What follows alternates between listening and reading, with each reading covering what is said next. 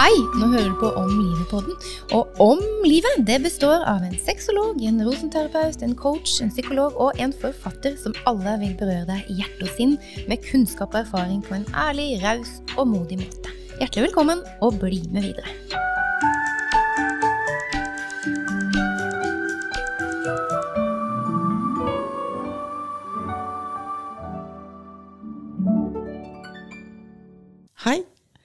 I dag så skal vi snakke om seksuelle overgrep. Og gjest i studio i dag er Trine Hansen. mm, Sexologkollega og medstudent. Velkommen til deg. Tusen takk, Lise. Det er veldig hyggelig å få lov å være med her. Hyggelig at du vil. Og vi skal snakke om noe som er ganske alvorlig, og som vi brenner mye for begge to. Ja, dette er vi opptatt av. Eh, visste du at eh, et barn eller ung, ungdom som er utsatt for omsorgssvikt, overgrep eller mishandling, i snitt koster samfunnet 7,5 millioner kroner? Det visste jeg ikke. 7,5 millioner kroner. Mye penger. Det er mye penger. Eh, og i tillegg, da, så kommer det kostnader som ikke bare handler om barnet selv, men de som står nær, kanskje. Og hele rettssystemet, hvis det er det som blir kobla inn av. Da. Så hvis vi kan klare å spare én person Ja. for overgrep, da har vi spart samfunnet for mye, men vi har selvfølgelig spart en del andre ting òg, som vi skal komme inn på. Mm. Det er en fantastisk målsetning for denne episoden her. Tenk hvis vi kan klare å spare samfunnet og skattebetalere for 7,5 millioner kroner. Da har vi nådd et mål, Lise. Hårete mål, Ja. det får vi ha som en, eh, en motivasjon. Ambisiøs målsetting. Ja. Absolutt. Men jeg tror det er mulig. Mm. Mm. Vi har jo valgt å ha fokus på overgriperen. Mm. Den som forgriper seg, eller gjerningspersonen, eller hva man skal kalle det. eh, Denne gangen. Mm. Eh, For en overgripshistorie har jo minst to ofre. Og nå sier jeg ofre liksom med gås, i gåsetegn. Mm. For uh, den som har blitt utsatt for den grenseoverskridende atferden, og den som har gjort det, er jo på en måte begge ofre. Ja, det- det kan kanskje virke litt provoserende for noen at vi omtaler en som har begått et seksuelt overgrep som, som et offer.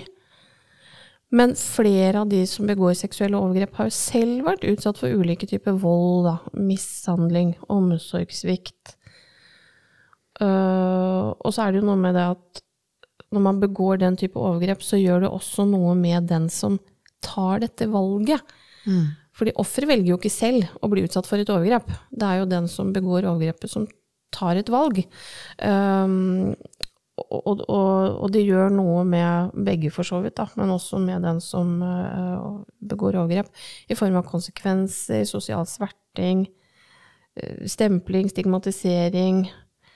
Og det, overgrep, det, det påvirker også overgriperens nære og kjære, altså de som er i familie og er i sosial relasjon.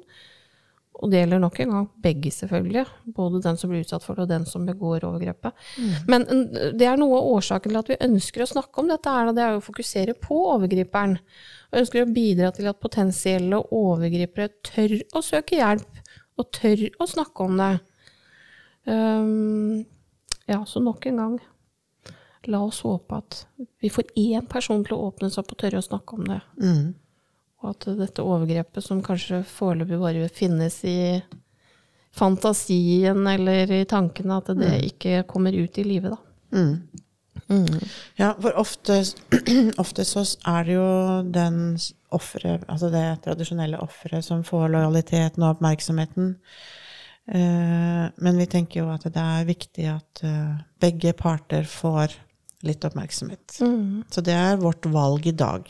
Mm. Men Trine, seksuelle overgrep, altså hvordan skal vi definere det egentlig? Ja, hva, hva sier loven om det da, Lise? Altså, loven sier at uh, seksuallovbrudd er straffbare handlinger etter straffeloven. Da. Seksuell handling, omgang med barn under 16 år, Uh, kjøp av seksuelle tjenester av personer under 18 år, å overvære, produsere, besitte eller selge fremstillinger av overgrep og fremstillinger som seksualiserer personer under 18 år. Eh, straffeloven, da er det altså kapittel 26 vi snakker om og henviser til her. Som omhandler seksuallovbrudd. Ja, Mm. og det er jo naturligvis mm, disse lovbruddene da som bringer gjerningspersonene i kontakt med politi og rettsvesen og kriminalomsorgen. For alle de lovbruddene som skjer som ikke blir oppdaga, de, si, blir, de vet vi jo ikke så Nei. mye om. For det er jo noen mørketall der på dette. Det er det nok helt klart. Mm. Mm.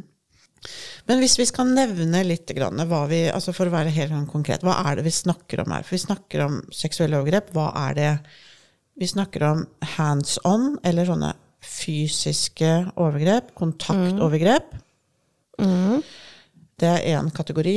Så snakker vi om nettbaserte overgrep, eller kontaktløse, som det jo også blir kalt. Mm. Voldtekt er jo en form for Det er jo i kontakt med noen. Um, og beføling utenpå og under klærne, det er jo også en sånn fysisk handling Mm. eh, som skjer uh, i møte. Mm. Tvang til å beføle eller masturbere andre, og blotting er jo også sånne fysiske ting. Men vi snakker jo også om, og det har blitt mye snakk om det i media, med eh, grooming, og det er snakk om mange sånne type kontaktløse overgrepsformer. Mm. Og mm, når vi snakker om seksuelle overgrep her i dag, så snakker vi om alle disse formene. Både de kontaktløse og de hands on, eller kontaktovergrepene. Mm. Men du, hva er egentlig problemet, da? Eh, kan jo virke som et veldig dumt spørsmål, men, men hva er det som gjør at det er så skadelig med seksuelle overgrep, egentlig?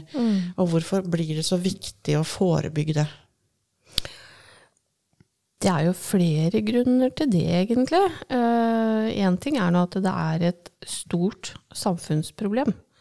Eh, og det er eh, store samfunnskostnader, som vi sa innledningsvis, da, når du nevnte at et barn eh, eller en ungdom som blir utsatt for overgrep, koster i snitt 7,5 millioner kroner i et sånt livsløpsperspektiv. Og så er det jo også kostnadene ved at det er stadig flere som blir dømt for seksuallovbrudd. Og den prosessen fra mistanke til påtale og til dom og soning, det koster masse. Um, der kan vi jo nevne uh, Det var en konferanse tidligere i høst hvor en forsker som heter Ragnar Kristoffersen ved, ved KRUS, ved Kriminalomsorgens høgskole og undervisningssenter, han la frem noen relativt ferske tall om uh, seksuallovbrudd. Og det han opplyste om da, det er jo at hver fjerde innsatt i fengsel eh, sitter der pga. seksuallovbrudd. Og i enkelte fengsler så utgjør denne gruppen så mye som 60% av de innsatte. Det er mange. Eh, og så har både antall og andelen av innsatte i norske fengsler som soner for seksuallovbrudd, det har økt uh, vesentlig de siste årene. Og det skyldes jo både det at antallet anmeldte lovbrudd har økt, men også at domstolene idømmer lengre straffer nå enn de gjorde for noen år tilbake. F.eks. For eksempel i 2010, for tolv år siden, så var det i gjennomsnitt 3537 innsatte i norske fengsler. Og da var 11,2 prosent av dem, nærmere bestemt 397 av dem, de var innsatt for seksuallovbrudd. Men i 2021 så var det i gjennomsnitt 3035 innsatte i norske fengsler, og 26,6% av dem var innsatt for seksuallovbrudd. 26,5 eller 26,6 av det utgjør 807 innsatte. En voldsom økning. Ja, det er det. Og så eh, ser man også at den gjennomsnittlige dommen for voldtekt i 2010, den var 856 dager, mens den i 2020 hadde gått opp til 1432 dager også. Ikke fullt dobbel økning i uh, domslengde, men nesten. Um, så er det jo også de personlige kostnadene, da. Ved, uh, ved at det begås et seksuelt overgrep. Det er personlige kostnader både fysisk, og det er psykisk. Det er sosialt. Det får uh, store ringvirkninger på, på, mange måter. Det er mange som blir berørt av overgrepet. Mm. Det ja, hvem er det som blir berørt, egentlig? Ut, utover den som blir utsatt for det? Ja, det er jo familie og venner. Eh, det er klart de vil jo oppleve at, eh, at et overgrep berører dem sterkt. Emosjonelt og sosialt. Det blir, det blir snakka om. Det er, det er, noe som gjør at de kan preges av det på, på mange måter frykt for hvordan det skal gå med vedkommende, prosessen med anmeldelse, rettssak og alt, alt det det innebærer. Mm. Mm. Og det kan jo være faktisk så belastende for de rundt også, at de for kortere eller lengre tid blir sykemeldt. At de blir rett og slett ikke arbeidsføre for en periode. Mm. Fordi dette berører så innmari mye det berører så mye av det altså, av det vi, den vi er, da. Mm. Når, når, sånt, eh, når, noen av vi er glad i, blir utsatt for noe sånt. Mm. Um, og så vet vi jo at uh, de som har blitt utsatt for overgrep, kan oppleve hvis du kaller det senskader, mm. som går på problemer med tilknytning. Det å gå inn i en varig god relasjon, mm. intimitet og skam er jo altså veldig aktuelt mm. tema. Men også det med forhold til egen kropp og det å kunne nyte seksualitet i voksen, voksenlivet mm. kan bli påvirka. Og jeg møter ganske mange av de på kontoret mitt når de da er voksne. Mm. Nettopp fordi de har utfordringer med relasjoner og seksualitet. Så, sånn sett så kan vi jo si at det å bli utsatt for et overgrep, det varer lenge, kanskje livet ut for noen, når det er snakk om alvorlige og langvarige overgrepsforhold. Mm. De sier jo det at uh, for hver person, altså ikke nødvendigvis bare når det gjelder seksuelle lovbrudd, men for hver person som uh, sliter med traumer eller voldsomme opplevelser, så er det sju pårørende som mm. blir ramma. Ja. Så det er jo uh, det er jo mange som blir påvirka, og senskadene er store for flere involverte. Absolutt. Mm. Mm.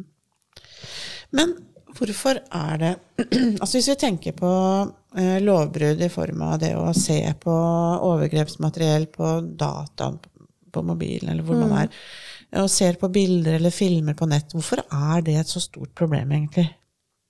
For vi vet jo at mange av de som sitter inne for det mm. nå, Eh, og, og, veldig mange flere som, vi, som ikke sitter inne, som ikke er oppdaga, mm. eh, ser på sånn type materiell. Hvorfor er det et stort problem? Bildene ligger jo der. Ja. Er det så farlig om eh, man går inn og ser på de, da? Ja, det er nok sikkert sånn mange tenker, da. Eh, er det så nøye? Det ligger jo der. Jeg mm. henter jo ikke frem, jeg lager jo ikke noe ny, nytt materiale. Jeg ser bare på det som allerede er der. Men det er jo et problem. Fordi det stimulerer eller underbygger en industri. Og det kan være i andre land enn her vi bor, altså hvor barn, mennesker, har en annen verdi. Altså det er en handelsvare. Ikke, ikke, bare, ikke bare, et menneske, men um, det er en, ja, en, en, handelsvare rett og slett som kan kjøpes og selges. Um, og vi, vi syns jo på ingen måte det er ok å, å stimulere eller understøtte en sånn industri. Mm. Nei, det er ikke greit. Ikke. Nei, det er ikke greit.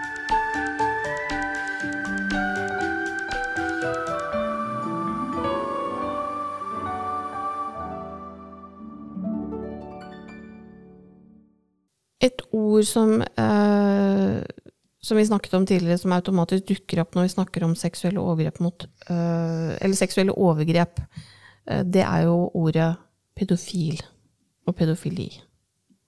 Hva er det egentlig, Lise? Pedofil og pedofili. Og hva er det ikke? Ja, formelt sett så er jo pedofili en diagnose i diagnosesystemet vårt. Og eh, pedofili er eh, regna som, eller forklart som da, forstyrrelse i seksuelle objektvalg, hvor barn i førpubertetsalder er seksualobjektet. Altså det at man eh, har barn som kilde til sin tenning, betyr jo egentlig det. Og det regnes som en diagnose. Mm. Men diagnosen sier ingenting om om handlinger er utført eller ikke utført. Altså så, så man kan få eh, diagnosen selv om man aldri har gjort noe konkret mot et barn. Altså at man trenger ikke å ha levd ut eh, tenningen sin helt konkret, men tenningen i seg selv regnes da som en eh, parafili eh, og har et, en diagnose. Mm. Det er ikke straffbart å være pedofil. Det er ikke straffbart å få den diagnosen. Det er heller ikke straffbart å ha et pedofilt tenningsmønster. Men det er straffbart å, å utagere på det. Det er straffbart å utføre en, en handling eh, som er en del av tenningsmønsteret. Men det å gå rundt med dette her i tankene sine, i fantasien sin, det i seg selv er jo ikke straffbart. Det er ikke straffbart. Men jeg nevnte tenningsmønster. Hva er egentlig det, Lise? Ja, tenningsmønster er jo alt som får oss Alt som får oss til å bli seksuelt tent. Mm. Um, det kan jo være å snakke med kjæresten sin eh, på en spesiell måte, eller bare altså, Fantasiere om et eller annet som gjør deg seksuelt opphissa. Ja, det kan være hva Ja. som helst, egentlig. Mm. Men tenningsmønster, det er jo noe som øh, for de fleste på en måte bare skjer. Mm. At man, om man blir tent man, De fleste tenner jo seksuelt på øh, personer i omtrent samme alder. Eh, man tenner på Altså har seksuelt tenning på personer som um, Som det ikke er problematisk å ha seksuell tenning på, da. Mm. Og så er det noen som har et tenningsmønster som, som omfatter andre ting som kan være litt mer problematisk å leve med. Og mange, det, det å tenne på barn, det, det er jo ikke, altså det er jo ikke sosialt akseptert. Uh, og, og mange som tenker Mange tenker nok at de som lider av pedofili, tiltrekker seg alle barn. Men sånn er det jo ikke nødvendigvis. Eh, Det skal vi si litt mer om nå, da. Og så er det sikkert noen som stusser over at vi bruker begrepet 'lider av' når vi snakker om pedofili. Eh, Men med det så mener vi at vi oppfatter at de lider av det. Fordi de fleste forstår jo at det, de, det tenningsmønsteret de har, som er retta mot barn, det er jo ikke innenfor samfunnsnormen. Det er ikke innenfor samfunnsnormen at en voksen blir tiltrukket seksuelt av barn. Da. Og det, det er jo ingen, er, jo- jeg har i hvert fall ennå ikke hørt om det, at det er noen pedofile som går liksom og flagger høyt og tydelig ut at uh, jeg tenner på, på, på barn, og syns det er helt ok. De fleste eh, går ikke rundt og sier det, de går rundt med det i, dette tenningsmønsteret og disse tankene og fantasiene. De, de går rundt med det inni seg, eh, og deler det ikke med noen, med mindre det er kanskje en sos, gruppe hvor det er sosialt akseptert. Da. Um, så derfor har vi valgt å bruke begrepet at man lider av pedofili. Mm. Og det er jo litt for å signalisere at dette faktisk er noe som den som har det, eh, ikke har det bra med. Mm. Og det er også litt for å legitimere at dette er faktisk noe som vi tenker at det, de bør få lov å få hjelp til. Da. Mm. De bør få hjelp til å utvikle tenningsmønster som er eh, både lovlige og gode og, og bra. Mm. Eh, og at vi må, vi må nok tørre å begynne å snakke litt om dette her tabuområdet, da. Mm. For, for pedofili er jo Altså, pedofile er jo kanskje de som er aller, aller nederst på rangstigen. Mm. Selv i fengsel så er jo dette kriminelle som, eh, som blir anbefalt å ikke si hva de sitter inne for, fordi det er så stigmatisert. Og det er så mye holdninger til det. Og, og det er på en måte ingen som kan, ingen som kan like noen som er pedofile. Eh, så vi tenker at eh, disse folka trenger å ha et tilbud, trenger å få hjelp til noe som er fryktelig vanskelig. Man kan da f.eks. snakke med en sexolog om hvordan man kan utvikle nye tenningsmønstre som er sosialt akseptable, og som ikke gjør at man begår noe lovbrudd. Men nå har vi snakket om dette med pedofili, og det er jo en stor sånn sekkebetegnelse, egentlig, som rommer flere sånne filier, Ja, som vi kan kalle det. Ja. Um, for, for du nevnte da at det med pedofili, det er jo uh, at man er seksuelt tiltrukket av prepubertale barn. Men så er det jo flere sånne filier. Uh, hebefili, for eksempel, det er jo Det betegner jo at det er en, en voksen persons seksuelle preferanse og tiltrekning til mindreårige barn, men eh, ikke prepubertale barn, men i de første årene av puberteten. Og så har vi også noe som heter nepiofili. Det kan også kalles infantofili. Og da er man tiltrukket til småbarn og spedbarn, som vanligvis er i alderen 0 til 3 år. Bitte små barn. Men hvorfor er det viktig å vite noe om disse skillene her, da? Om man eh, er eh, Om man har en, lider av pedofili eller hebifili eller eh, Og det tenker jeg er viktig bare for å vise at man kan tenke mer nyansert om det begrepet pedofili, og, og at man også må vite at de som lider av pedofili, de tenner ikke på alle barn.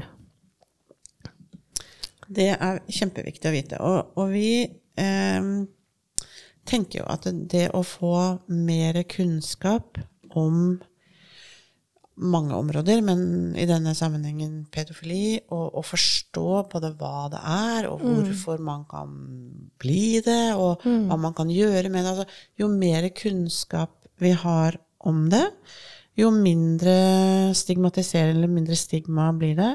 Og uh, at det er lettere for folk å få hjelp når, vi, når det er noe som vi vet litt mer om. Så, så litt av hensikten vår med dette her temaet i dag er jo nettopp det å få mer kunnskap ut. Få nyansert det, få vite hva er det egentlig. Og da må vi rett og slett tørre å snakke om det. Så det, det er helt klart at uh, man har behov for kunnskap om seksualitet og seksuell utvikling, og hvordan man på best måte kan forvalte seksualiteten sin. Sånn at den kan være en kilde til nytelse og glede, uten å begå eh, lovbrudd, uten å krenke noen, uten å ha grenseoverskridende seksuell atferd. Uh, ja, vi trenger at folk tør å snakke mer om det, vet mer om det, og at vi kan, ha, vi kan bidra til sexpositiv kunnskap. Sånn at seksualitet kan være til nytelse og glede, enten det er sammen med seg selv eller med andre. Da. Men den kunnskapen, Trine, den, trenger, den trenger vi å få fra et sted. For dette Ja. her er ikke noe intuitivt eller noe medfødt kunnskap. Nei. Hvordan, hvordan i alle dager Hvordan skal vi få tak i den kunnskapen? Ja. Ja, det, det er jo Hvem er det som skal gi oss den kunnskapen? Ja, de, de tenker der, der kan vi være kreative og komme med noen nye forslag til, til hvordan den kunnskapen, kunnskapen skal komme folk til veie. Um, og når man skal få sånn kunnskap. Ja, For det bør man jo få før noe har gått galt.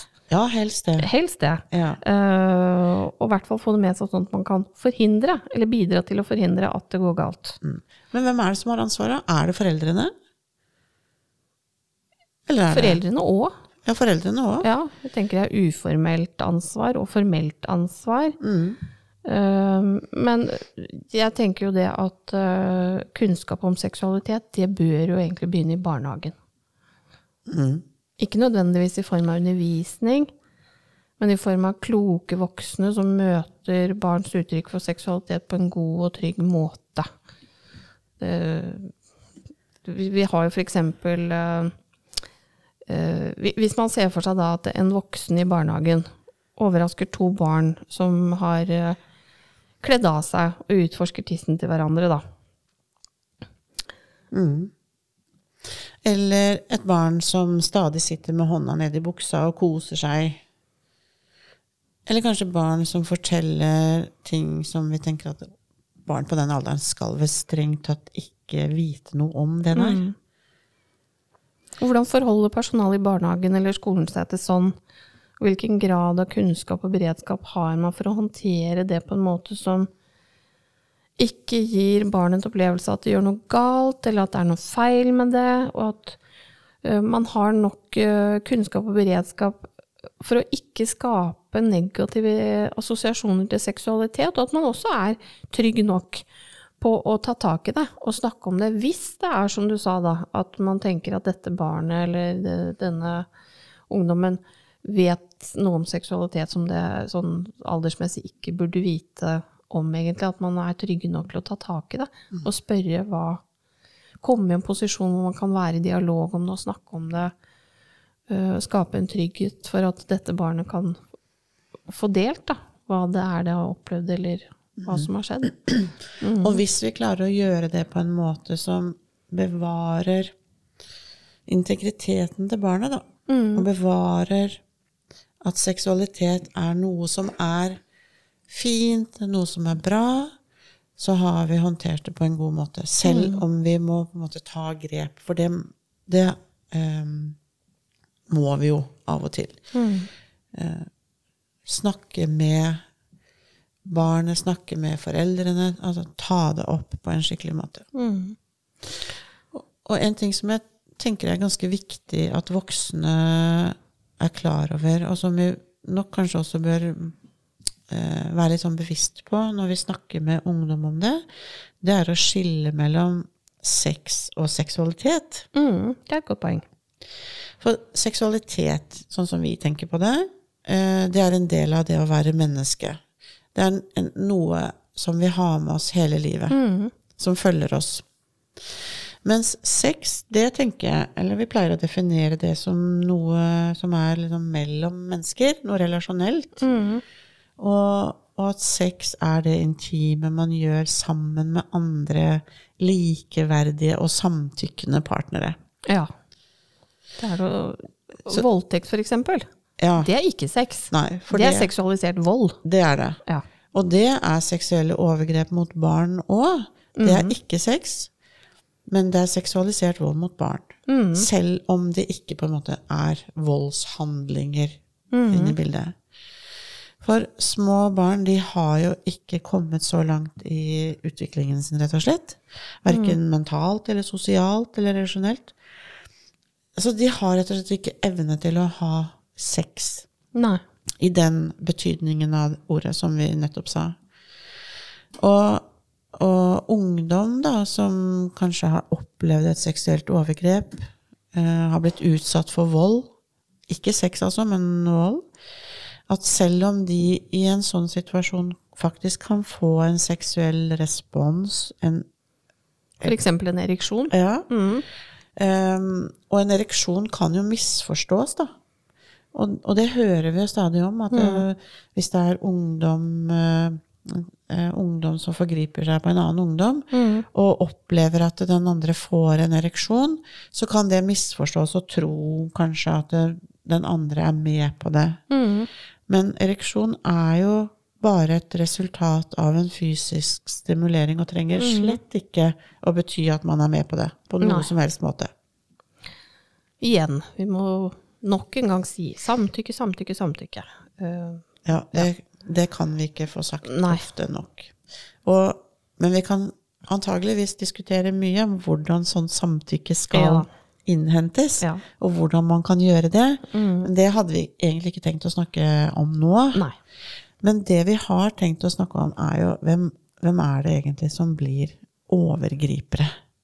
Kan alle bli det? Kan alle bli en overgriper? Eller er det noen spesielle egenskaper ved de som blir overgripere? Og kan vi klare å forutsi eller teste på noen måte? Eh, for å finne ut hvem som på en måte er de der tikkende bombene, da? det er i hvert fall, øh, Om vi kan det eller ikke kan det, så er det i hvert fall noen risikofaktorer som man kjenner til for utvikling av øh, skadelig seksuell atferd. Vil du si noe mer om det? Ja, for det vi, det vi vet om det, det er at um, kanskje noen varsellamper bør blinke litt, da. Hvis vi um, opplever at porno blir brukt for å regulere følelser, at at det ikke blir brukt for ren nytelse eller seksuell stimulering, men at man bruker det for å regulere følelsene sine. Kanskje har så store problemer på et eller annet område at man um, døyver det litt, eller går inn i en slags uh, verden hvor det å se på porno kan gi folk en liten pause, eller en, eh, en måte å regulere følelsene på der og da. At hvis du syns en følelse er vanskelig, så ser man på porno for å på en måte distansere seg litt fra den vonde følelsen. Mm. Det, er det, en del, det vet vi at det er en del ungdom som gjør. Og det er en risikofaktor. Absolutt. En annen eh, risikofaktor er barn og ungdom som har autismespekterdiagnoser. Mm -hmm. Som jo medfører at de har vanskeligheter med å tolke signalene, følelsesuttrykk hos andre mennesker. Å ja. Mhm. Og, og vi vet også at eh, når de har sett mye på porno, Mhm. Så har de en tendens til å, å, å se på det som en slags oppskrift. ja. At eh, ok, eh, det er sånn man gjør sånne ting. Eh, Og da er det det man selv kan gjøre mot andre. Ja. Og når den kombinasjonen da, mellom å ikke klare å lese andres følelsesuttrykk godt nok, og en sånn litt stereotyp måte å lære seg ferdigheter på, det er en dårlig kombinasjon. Og ikke spørre om samtykke heller, da. I, Ja, for det gjør man jo veldig sjelden på porno òg. I hvert fall er det sjelden det kommer frem, tror jeg. Så, så det å ha autismespekterdiagnoser gjør nok, utløser nok egentlig et behov for å lære om seksualitet på en litt annen måte enn kanskje nevrotypiske barn mm. kan lære det på. mm. Og så vet vi at usikker og avvikende seksuell preferanse og tilhørighet kan være en risiko. Mm. Eh, Litt samme som du var inne på i stad. At hvis man har eh, eh, lav selvtillit på et område, eh, eller er usikker på hva man egentlig liker, eller om man liker om man tenner på samme kjønn eller andre kjønn. Eller, hva, altså, den type usikkerhet også gjør at man kan komme i en posisjon hvor, hvor man gjør overgrep mot noen. Mm. Og så har vi jo nevnt det med egen overgrepshistorie. Eh, unnvikende personlighetstrekk eller diagnoser. Mm. Hvor man fraskriver seg litt det ansvaret for egne handlinger. Eh, presentasjonsutfordringer. Mm. Eh, altså det kan f.eks. være at man Det kan være en funksjonsforstyrrelse. Mm. Utviklingsforstyrrelse som gjør at man ser litt annerledes ut, eller fungerer litt annerledes. Da kan det være vanskelig å, å ha selvtillit nok til å kontakte eller uh, ta initiativ overfor personer i samme alder. Mm. Uh, og sånn sett blir man i en risikogruppe da, for å, å henvende seg til andre, eller å gjøre seksuelle overgrep, f.eks. på nett. Og hvis man har f.eks. blitt mobba veldig hele, gjennom hele oppveksten og fått høre at du er rar, du er, eh, det er ingen som liker deg, du er stygg, du er fæl, alle sånne grusomme ting, og så går man rundt med det selvbildet, da. Mm. Da vil det kanskje være enklere å velge en, et svakere offer, som ikke nødvendigvis samtykker. Mm. Eller bruke en, skape en maktsituasjon hvor man ikke gir den andre en mulighet til å samtykke.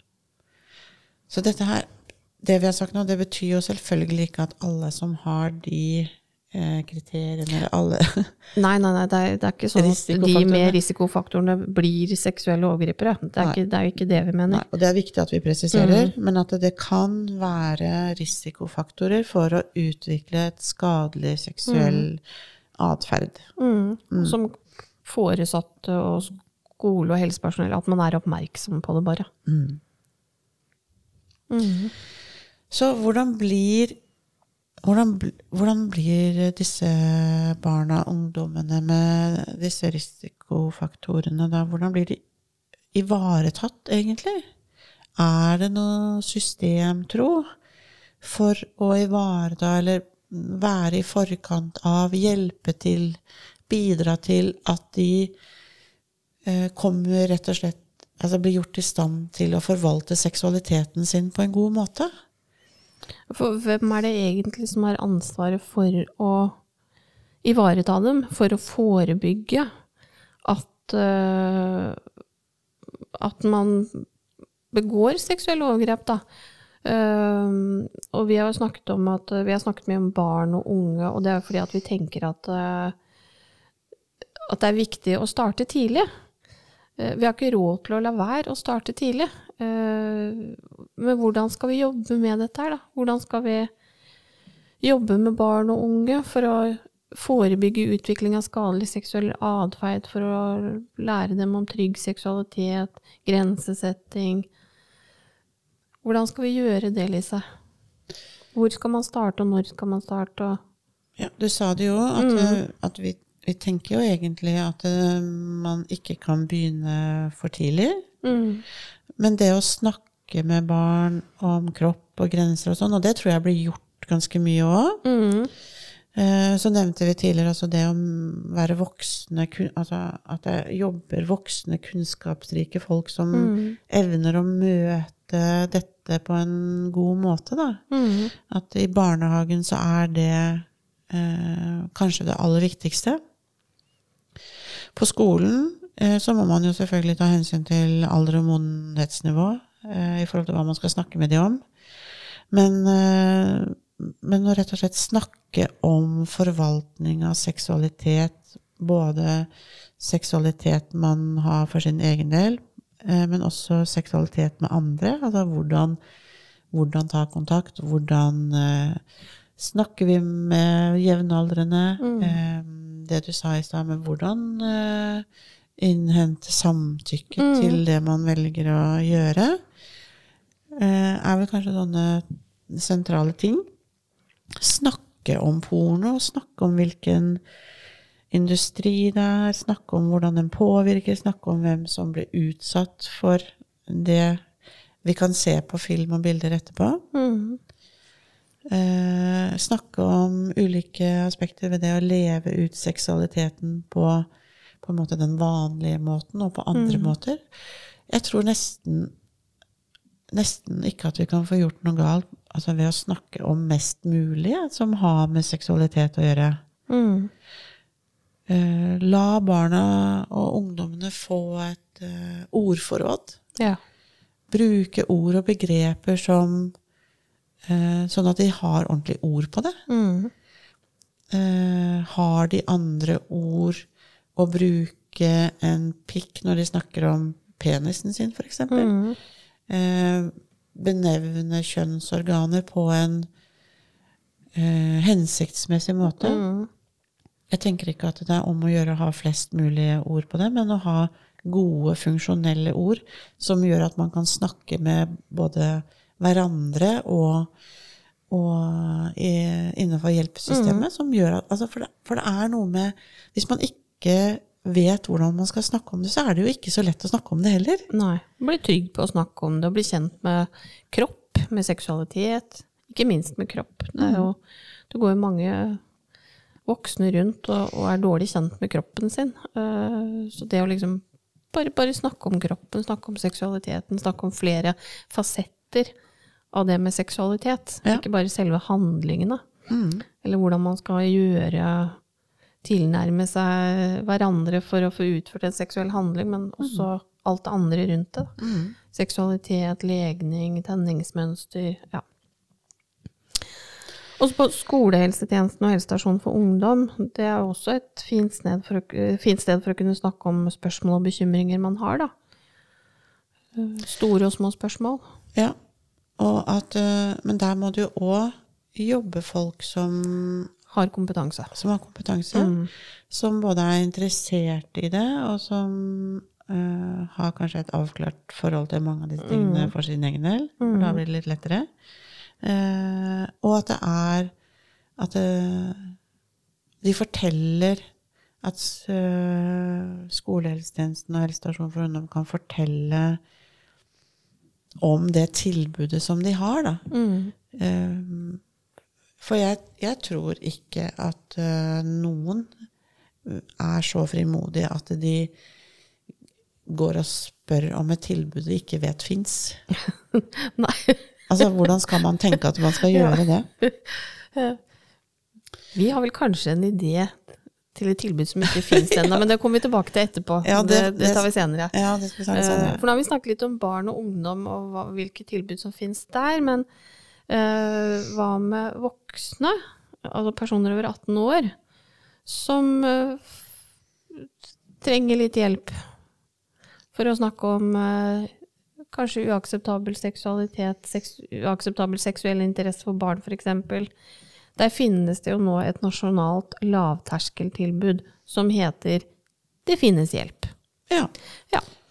Uh, og det er jo, som jeg nevnte, for personer over 18 år uh, med seksuell interesse for barn, som har en selvidentifisert risiko, og som ønsker hjelp til å uh, unngå å handle på den seksuelle interessen de har.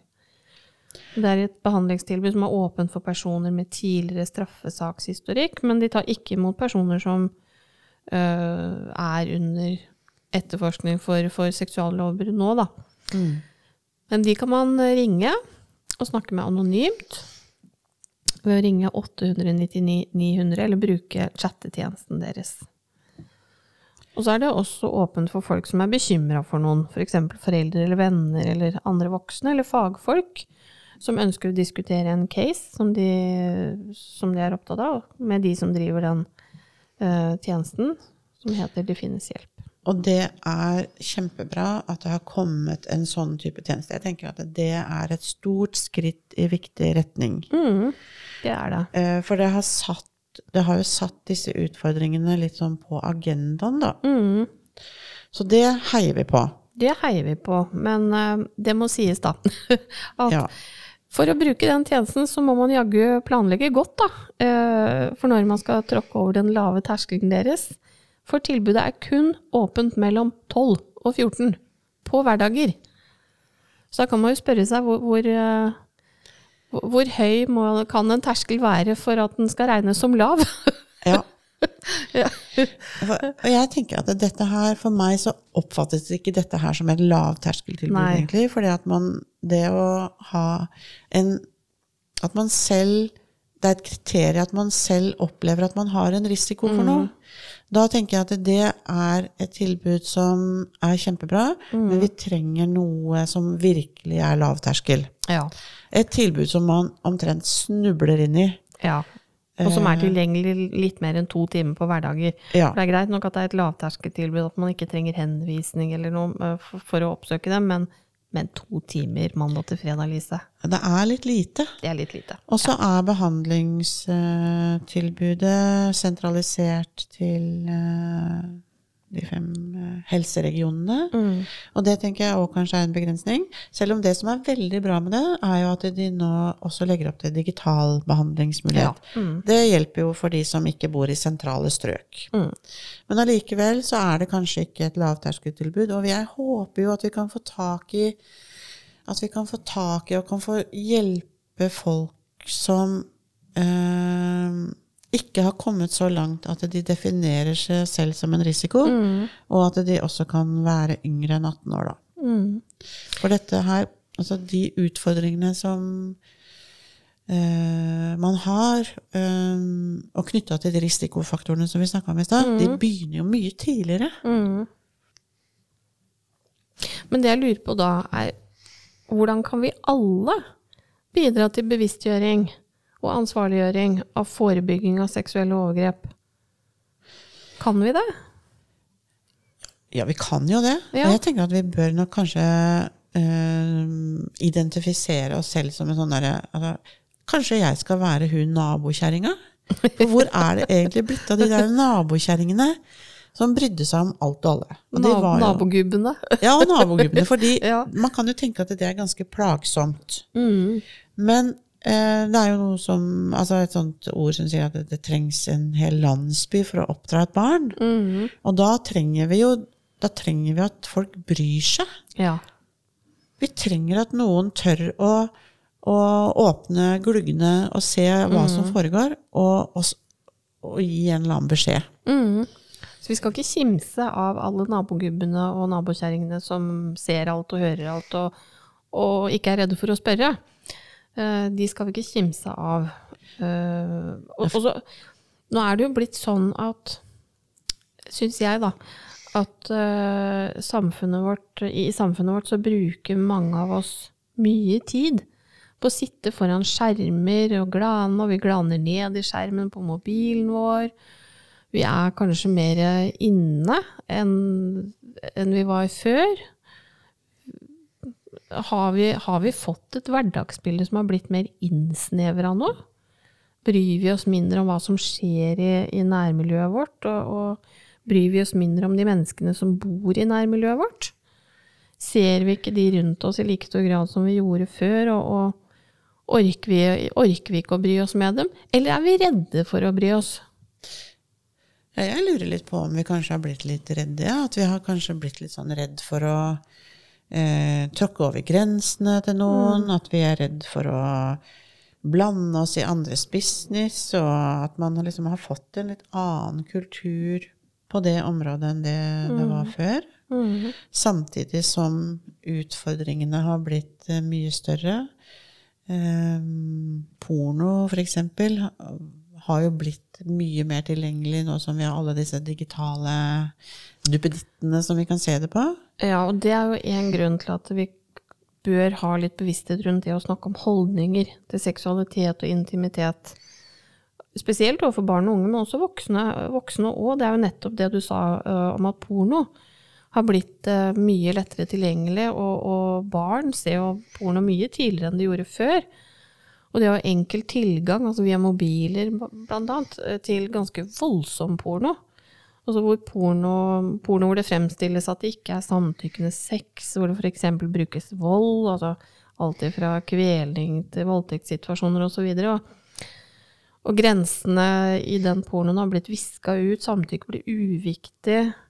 Og sex blir kanskje i større grad fremstilt som noe mekanisk, som du snakket om i sted, hvor, hvor partene ikke er likestilte, i hvert fall ikke når det gjelder Og det, det er ikke noe samtykke som foreligger. og og vi vet jo at når man skal inngå i en ny seksuell relasjon, enten man er 14, 24 eller 54 eller 74, så er, så er det en viss porsjon av usikkerhet. Vi har ikke møtt det mennesket før, vi har ikke gjort det før. Man lurer på hva, hva skal jeg gjøre? Skal, jeg, skal jeg kysse, skal jeg ta på, skal jeg ikke kysse? Hvor skal jeg ta? Uh, ja, den usikkerheten som jeg tenker er en del av en sunn seksualitet, da, den blir jo ikke nødvendigvis fremstilt i porno. Sikkert i noe porno. Jeg vet jo ikke alt om det. Men, men jeg tenker det er um, noe vi trenger å snakke med barn og ungdom om. For å forebygge seksuelle overgrep. At det er helt ok å være usikker.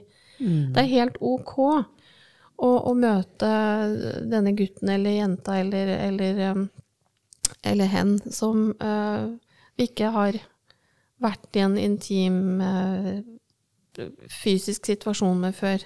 Det er ok å famle. Og det samme gjelder om man møter en ny person når man er eh, 64 og har blitt enke eller enkemann og møter en person på nytt igjen. Det er helt ok å være usikker. Eh, Det fremstilles ikke i porno. Man må ikke Man må ikke prestere nødvendigvis. Det er ok å bruke tid på å famle seg frem, føle seg frem, spørre. Um, ja. Og nyte de Nyte den usikkerheten litt òg, da. Hva, hva, hvordan kommer dette til å bli? Men akkurat Ja. det du snakker om nå, Trine, det tenker jeg jo er at noen må fortelle om det, da. Mm. Noen må fortelle at det er faktisk en fin del av det å ha sex med noen. Mm. Uh, og at, um, at det ikke Det er helt normalt. Ja, det er helt normalt, og det Mm. er ikke noe det er ikke noe oppskrift på hvordan ting Nei. skal være. Og det. Altså, man må rett og slett uh, få en slags motvekt til det som pornoen uh, viser. Mm. Og det er det jo uh, Det er det vi voksne som må ta ansvar for. Mm.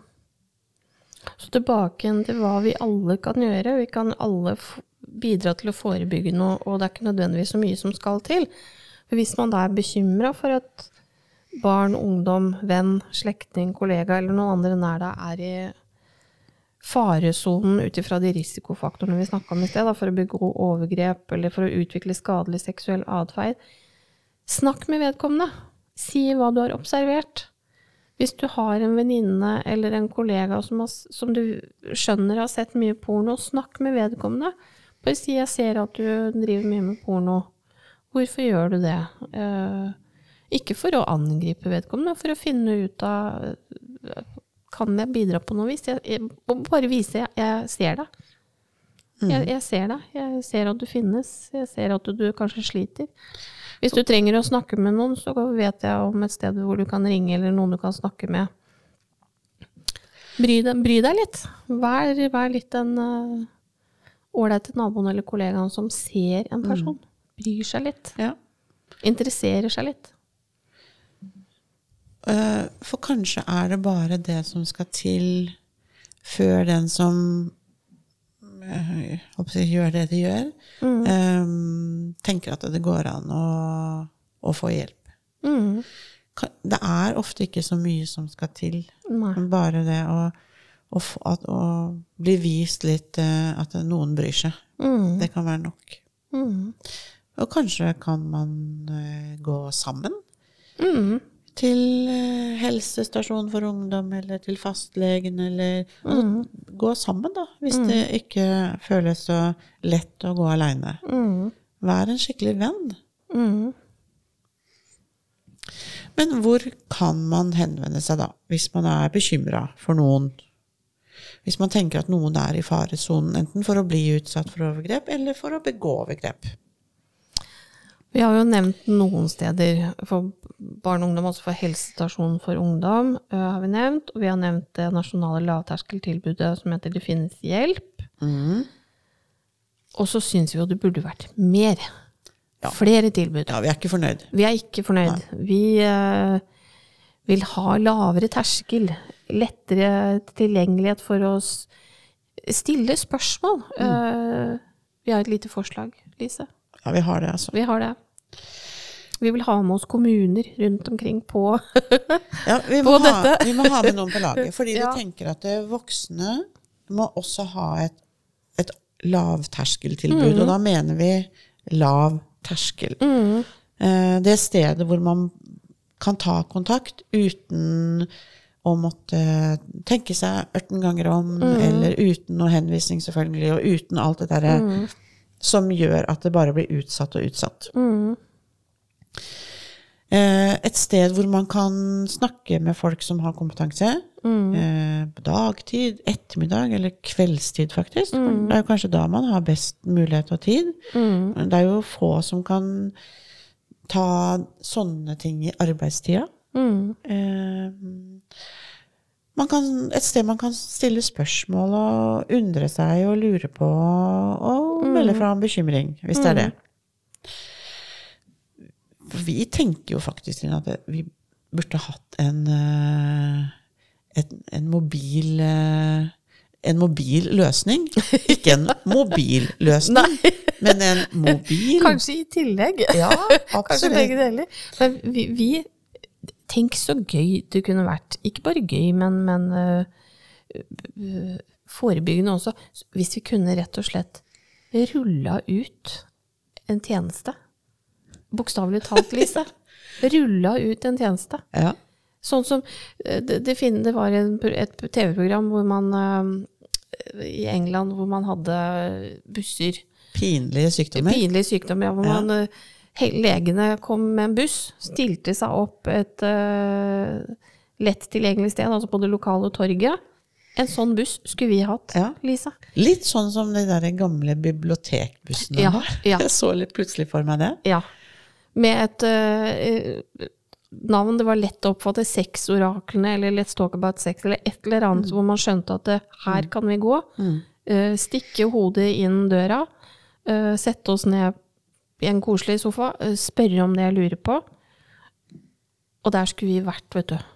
Rundt omkring på, i kommunene. Ikke bare vi, men kanskje flere.